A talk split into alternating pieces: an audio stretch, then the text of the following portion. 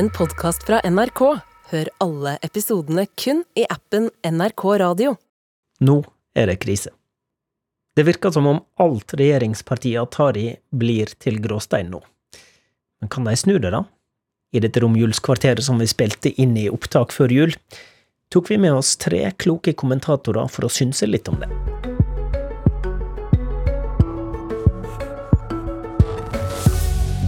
Den rød-grønne sida i politikken styrer både de store byene og landet. Men ved utgangen av 2022 lukter det krise. Hvordan skal det nye rød-grønne året bli? I dag og i morgen ser Politisk kvarter fram i 2023 med tre kloke kommentatorer. God morgen, vår egen Tone Sofie Aglen. God morgen. God morgen, Dagens Næringslivs Fridtjof Jacobsen. Gledelig jul. Og Nasjonens Anne Ekonholmen. Hei, hei. Vi begynner med tre romjulsnøtter, som speiler litt det vi skal eh, snakke om. Klar for en, en romjulsquiz? Ja, vi prøver. Etter lokalvalget i 2019 fikk Senterpartiet 138 ordførere. Blir tallet på ordførere halvert? Nei. Nei. Nei. Får Hadia Tajik statsrådspost i 2023? Eh, ja. Ja. Vet ikke. Går SV inn i regjering det kommende året? Nei.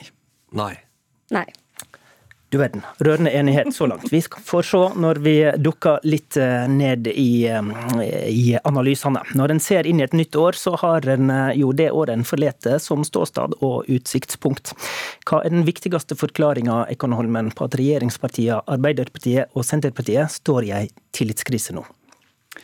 Det er rett og slett at velgerne opplever at regjeringa ikke svarer på de største bekymringene de har i stort. Og det handler mye om privatøkonomi. Det handler mye om strømpriser og energikrise, og den politikken som regjeringa fører på disse områdene. Og da hjelper det dessverre ikke så mye at sånn som Senterpartiet kan flagge ganske mange distriktspolitiske seire, som de har faktisk gjennomført. Det syns ikke. Og det er en blanding av, hvis vi kan si, fattigdom, forskjeller og frustrasjon som, som gjør at mange velgere ikke føler at regjeringa er på dem side. Men nytt år og nye muligheter, Fridtjof Jacobsen. Hva er det viktigste de to regjeringspartiene må få retta på, da, som kanskje er mulig å rette på, og som gjør at 23 kan bli et hyggeligere år enn 22? Jeg tror de trenger en bedre og raskere virkelighetsforståelse. Jeg tror de må eh, trene opp sine politiske instinkter, som de åpenbart hadde, begge partiene, i valgkampen før de ble valgt, til å fange opp hva som er liksom tidsånden og hva folk er opptatt av. Og så må de, om ikke omsette alt i politiske løsninger med en gang, i hvert fall eh, klare å sette ord på eh, den uroen og frykten som vi eh, har nok har følt i år, og vi kommer til å føle til neste år. Og dermed fremstå som noen troverdige ledere som kan ta landet gjennom en veldig, det som kommer til å bli et veldig krevende år. Men det handler både om å på en måte være mer opptatt av verden rundt seg, og så handler det også om å være raskere, tror jeg. Begge deler har de sviktet på så langt. Men det er også noe strategisk i hvordan man plasserer seg politisk, Tone Sofie Aglen. Kommer vi til å se, og nå fokuserer jeg på Arbeiderpartiet, et Arbeiderparti som reorienterer seg?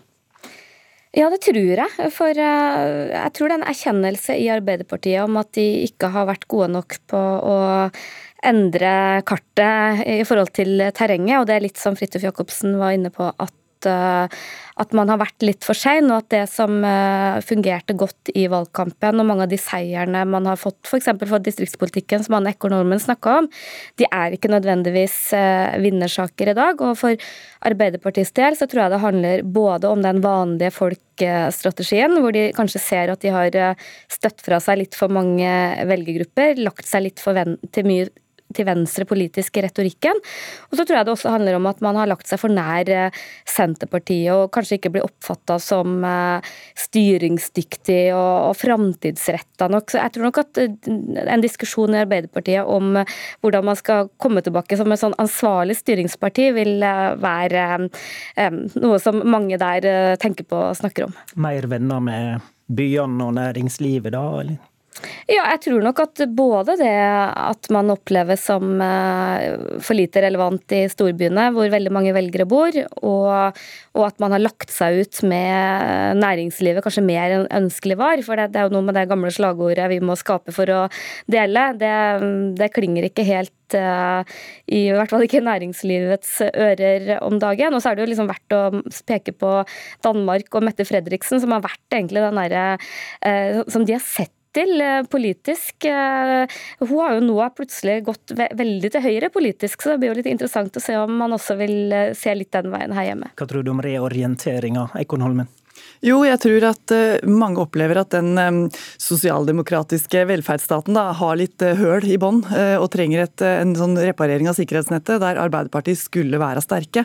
Og, og den, det er klart, den fattigdommen vi ser nå, den har jo ikke skjedd under denne regjeringa. Den har bygd seg opp over tid og kommet over tid. Men det er jo den regjeringa som sitter nå som virkelig må gjøre noe med det. Og det er det mange som opplever. Også i tillegg, som du var inne på, med næringslivet. Både Senterpartiet og Arbeiderpartiet er jo utgangspunktet næringsvennlige partier som nå opplever at eh, de ikke blir hørt. Da. Og Det er eh, skattespørsmål som eh, de helt sikkert kommer til å måtte jobbe med gjennom hele 2023. Mm. Jacobsen, En ting er jo ytre faktorer som krig og strøm, som du var litt inne på med de politiske instinktene. Men, men Arbeiderpartiet har jo også interne dragninger og konflikter som de aldri blir helt ferdige med. Mm, skal se, nå, nå sa du Tajik skal inn i regjering, Hva er det du tippa? Ja, jeg ble spurt om å svare ja eller nei, da, hva ja, vi trodde. Ja. Eh, ja, jo det er jo én sak. Eh, og det, det har jo også vært talende for 2022 at i Arbeiderpartiet vil det alltid være en del reelle interesse- og politiske konflikter, fordi partiet favner så bredt. Det er mellom generasjoner, det er mellom by og land, eh, det er mellom hva skal man si, de som er opptatt av offentlige reformer, og de som er litt mer konserverende. Og så er det da forholdet til LO, som jeg syns har vært veldig dominerende for Arbeiderpartiet siden de gikk inn i regjeringskontorene. LO er blitt en slags sånn eh, sensor eller revisor som eh, ganske friskt uttaler seg på en eh, ofte destruktiv måte for partiets ledelse. Og det virker som man anstrenger seg veldig mye for å holde LO fornøyd i alle mulige spørsmål, eller i hvert fall en del av LO. Og, og, det tror jeg også er litt skadelig. Jeg tror Det å stirre så mye på LO som det Arbeiderpartiet har gjort de siste årene, det, det tror jeg har det har nok redusert oppslutningen hos de som ikke på en måte er enig med LOs politiske program. Og de er det mange av, også inne i LO. Så, så der tror jeg kanskje de må begynne å se litt bort fra bare LO. Vil det skje endringer der, Aglen? Jeg tror i hvert fall eh, det er en erkjennelse av at forholdet til LO halter. og På sitt beste så er jo Arbeiderpartiet og LO sammen veldig sterke. LO funker både som et veldig godt eh, korrektiv og som en lyttepost for Arbeiderpartiet. Nå er det jo en ganske stor frustrasjon i Arbeiderpartiet over at LO ikke ikke applauderer og at de er for kritiske. Samtidig så er nok opplevelsen i LO at jo dårligere det går med regjeringa og med Arbeiderpartiet, jo større ansvar har de for å, for å, for å si fra. Eh, er, og de har også det for sine egne medlemmer å fram, ikke framstå som en sånn eh, støtteparti for Arbeiderpartiet. Så, så det er ikke noe enkelt det der, men det virker som tilliten ikke er helt til stede i dag. Ja, og det er bare for liksom, Vi må ikke glemme at det var i praksis var det LO som avsatte Hadia Tajik som nestleder og statsråd. Eh, da de, en samlet LO-ledelse gikk ut og sa at man ikke kunne ha tillit til henne. Så har LO etterpå prøvd å snakke seg litt bort av det, men de, de gjorde nå det, da. Eh, og dermed så tror jeg at hvis Støre skal markere at det ikke lenger kun er LO som skal bestemme hva slags politikk Arbeiderpartiet og regjeringen skal føre, så vil det å ta inn Tajik vise litt hvem som har makta. Og han har jo flere ganger sagt at han ønsker henne tilbake i en sentral rolle i politikken. Eh, nå har vel Tajik meldt seg på i den ledige nestledervervet. Det tror jeg er litt mer tvilsomt om det kan gå, men eh, en statsrådspost tror jeg er innenfor rekkevidde også for at Støre skal vise hvem som bestemmer. En annen aktør som påvirker regjeringa, er jo eh, SV. Du tror ikke SV går inn i regjering, men hvorfor ikke? Nei, jeg tror ikke det uh, av mange grunner. Men uh, kanskje den aller viktigste er at SV gjør det jo veldig godt på utsida av regjering. Uh, SV har klart å skape, altså dra regjeringa i sin retning i veldig mye av, og i statsbudsjettet og i, i, forhandlingene om det.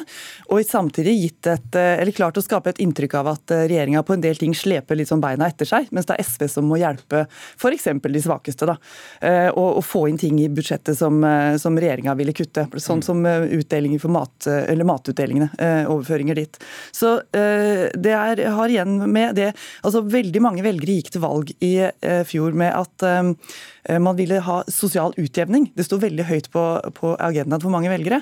Og der er jo SV klare å svare på det. Mm. Så jeg tror at, Og så er det jo sånn at akkurat nå så regjerer Vedum i den regjeringa han ønska seg. Senterpartiet og Arbeiderpartiet. Så det er ikke noe stort ønske fra noen særlig andre enn Støre om å få SV inn. Men Aglen, eh, SV skal eh, velge ny leder. Eh, hva skjer med samarbeidet hvis SV får en leder som, som drar partiet litt mer til venstre? Nei, Det er vel ikke noe dristig spådom at dersom Kirsti Bergstø blir ny SV-leder, som jo er mer til venstre enn Kari Elisabeth Kaski, som er den andre kandidaten, så tror man vel at man får et SV som kanskje er mindre pragmatisk, mindre maktsøkende. Eh, men vel så interessant som hva SV vil, er jo også hva regjeringa vil med SV.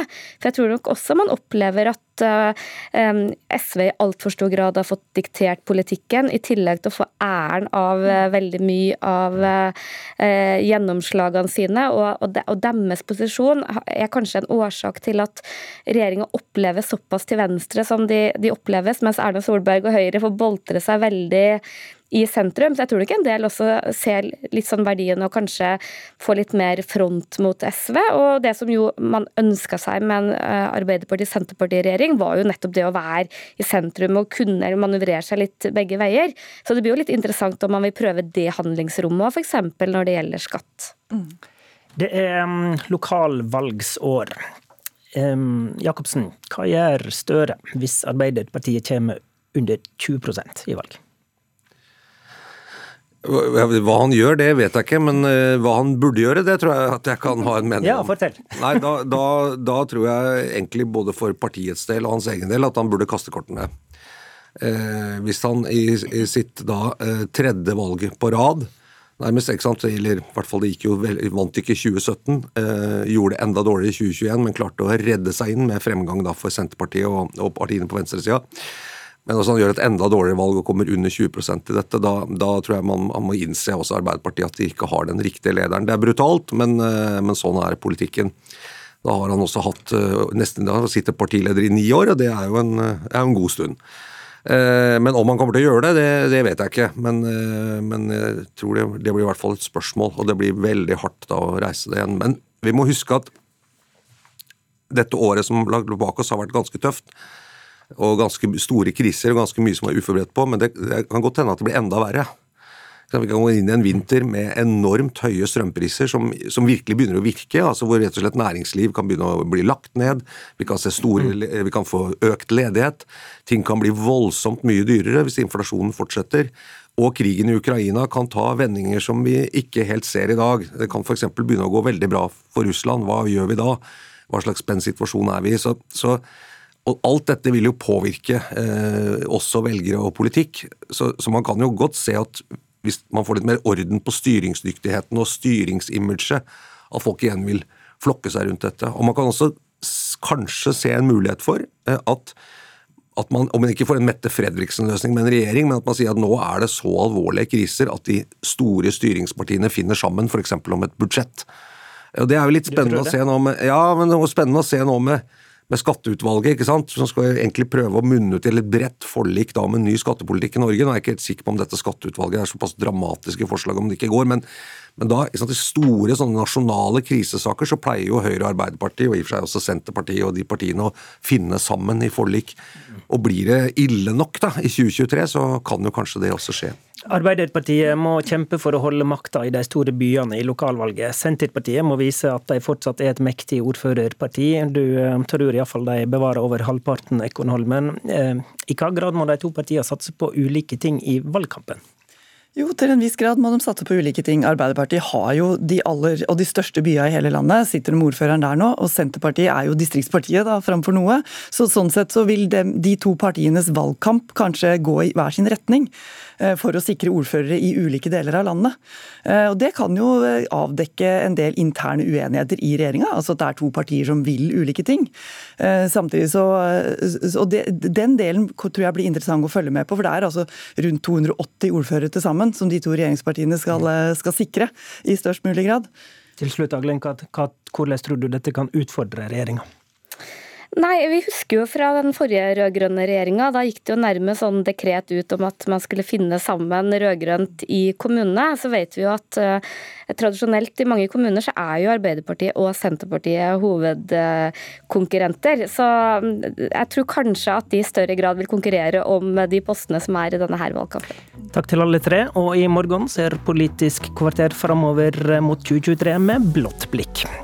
I studio i denne sendinga var Håvard Grønli.